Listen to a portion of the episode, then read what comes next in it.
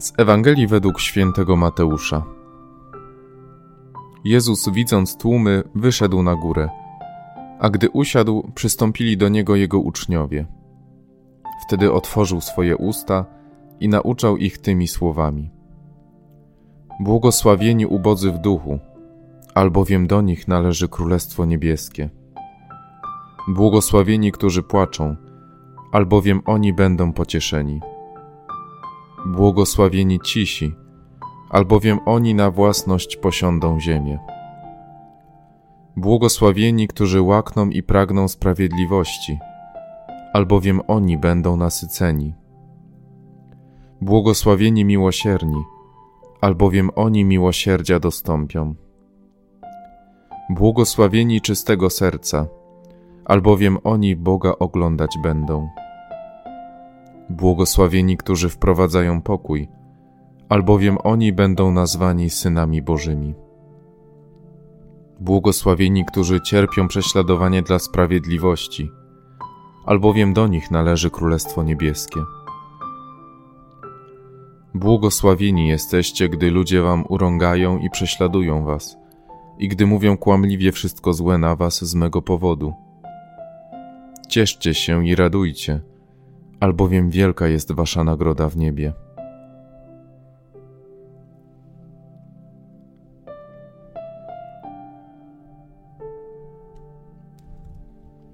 Stajemy na górze, gdzie Jezus wygłosił swoją katechezę. Tuż po odejściu z Galilei, wieść o nim tak się rozniosła, że zaczęli ściągać do niego ludzie z całej okolicy, aby uzdrawiał i wypędzał złe duchy. Nieprzypadkowo obrał on wzniesienie. Zapewniało mu ono samotność, w której mógł nauczać swoich uczniów. Poczekał on na nich, aż odejdą od tłumu i usiądą, a wtedy zaczął ich pouczać o błogosławieństwach.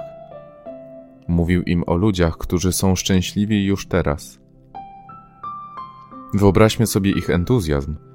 Byli świadkami tak wielu cudów dokonanych przez mistrza z Nazaretu – a teraz chce im dać prywatną lekcję. Ale cóż to? Słowa Jezusa stają się wręcz niepasujące do realizmu. Jak to szczęśliwi są ci, którzy są ubodzy duchem? Jak do nich ma należeć Królestwo Niebieskie? Co dalej, to większa antymonia. Szczęśliwi, którzy się smucą. O ile pierwsze siedem błogosławieństw można, choć z niemałym problemem, przyjąć, to stają nagle przed murem nie do przebicia przy dwóch ostatnich. Oto głosi, że błogosławieni są ci, którzy są prześladowani. Mimo, że Jezus zapewnia o posiadaniu Królestwa Niebieskiego i wielkich skarbów odłożonych w niebie, jakże szczęśliwym można nazwać tego, który jest prześladowany? Co zrobić z tym fragmentem? Puścić mimo uszu i nie zatrzymać się nad nim? Usunąć z pamięci? Gdybyśmy zrobili w dzisiejszych czasach sondę uliczną i podchodząc do ludzi pytalibyśmy ich, jaka byłaby ich reakcja na prześladowania z powodu wyznania, to ośmielę się stwierdzić, że radość byłaby na ostatnim miejscu, jeśli w ogóle by pojawiła się w odpowiedziach. Byłoby tak zapewne dlatego, ponieważ mamy tendencję do zapominania o świecie niematerialnym. Nazwijmy go za światem. Żyjemy w świecie materialnym i materia otacza nas z każdej strony. Łatwiej nam jest wspominać coś, co już minęło. A jeśli mamy wybiegać w przyszłość, to jedynie do momentu, kiedy będziemy jeszcze coś działać. Nawet myśląc o śmierci, rzadko spoglądamy w stronę zaświatów lecz łatwiej nam jest spoglądać na to, co pozostanie po nas nagrobek, testament. Zatem, jak to jest z tym, co Jezus do nas dzisiaj mówi? Jak mamy się radować z tego, że będziemy cierpieć z powodu imienia Jezusa?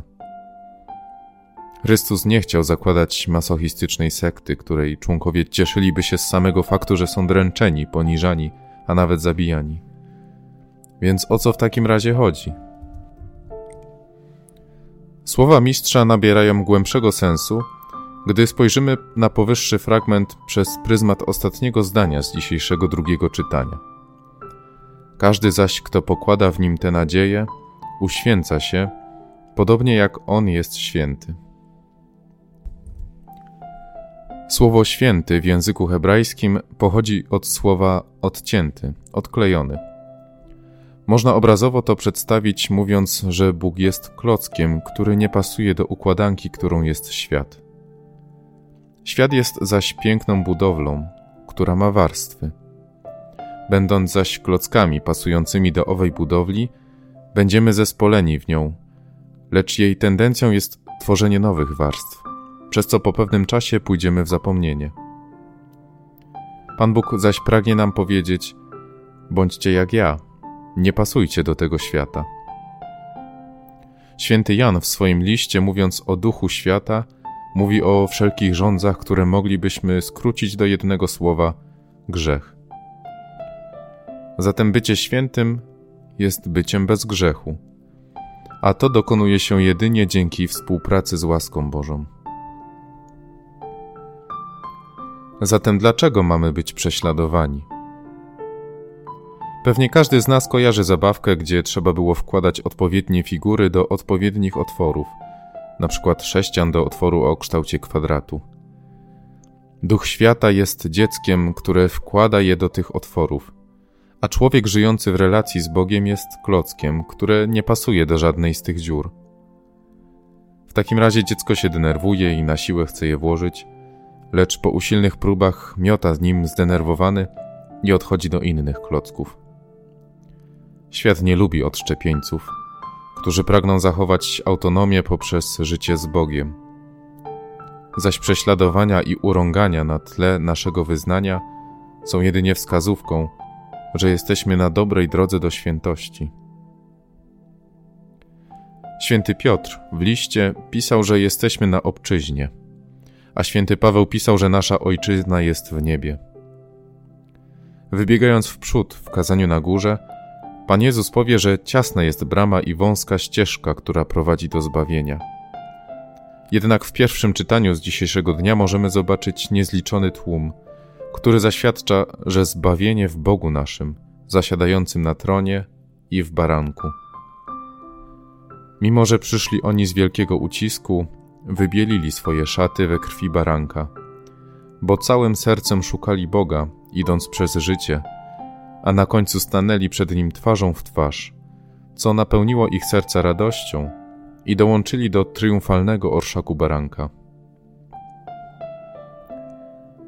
Jaka jest zatem recepta na to, aby dotrzeć tam, gdzie przebywają święci? Nie ma żadnej uniwersalnej drogi. Z przykładami świętych jest jak z leczeniem objawowym. Działa ono tylko na objawy, ale z samą chorobą walczy organizm.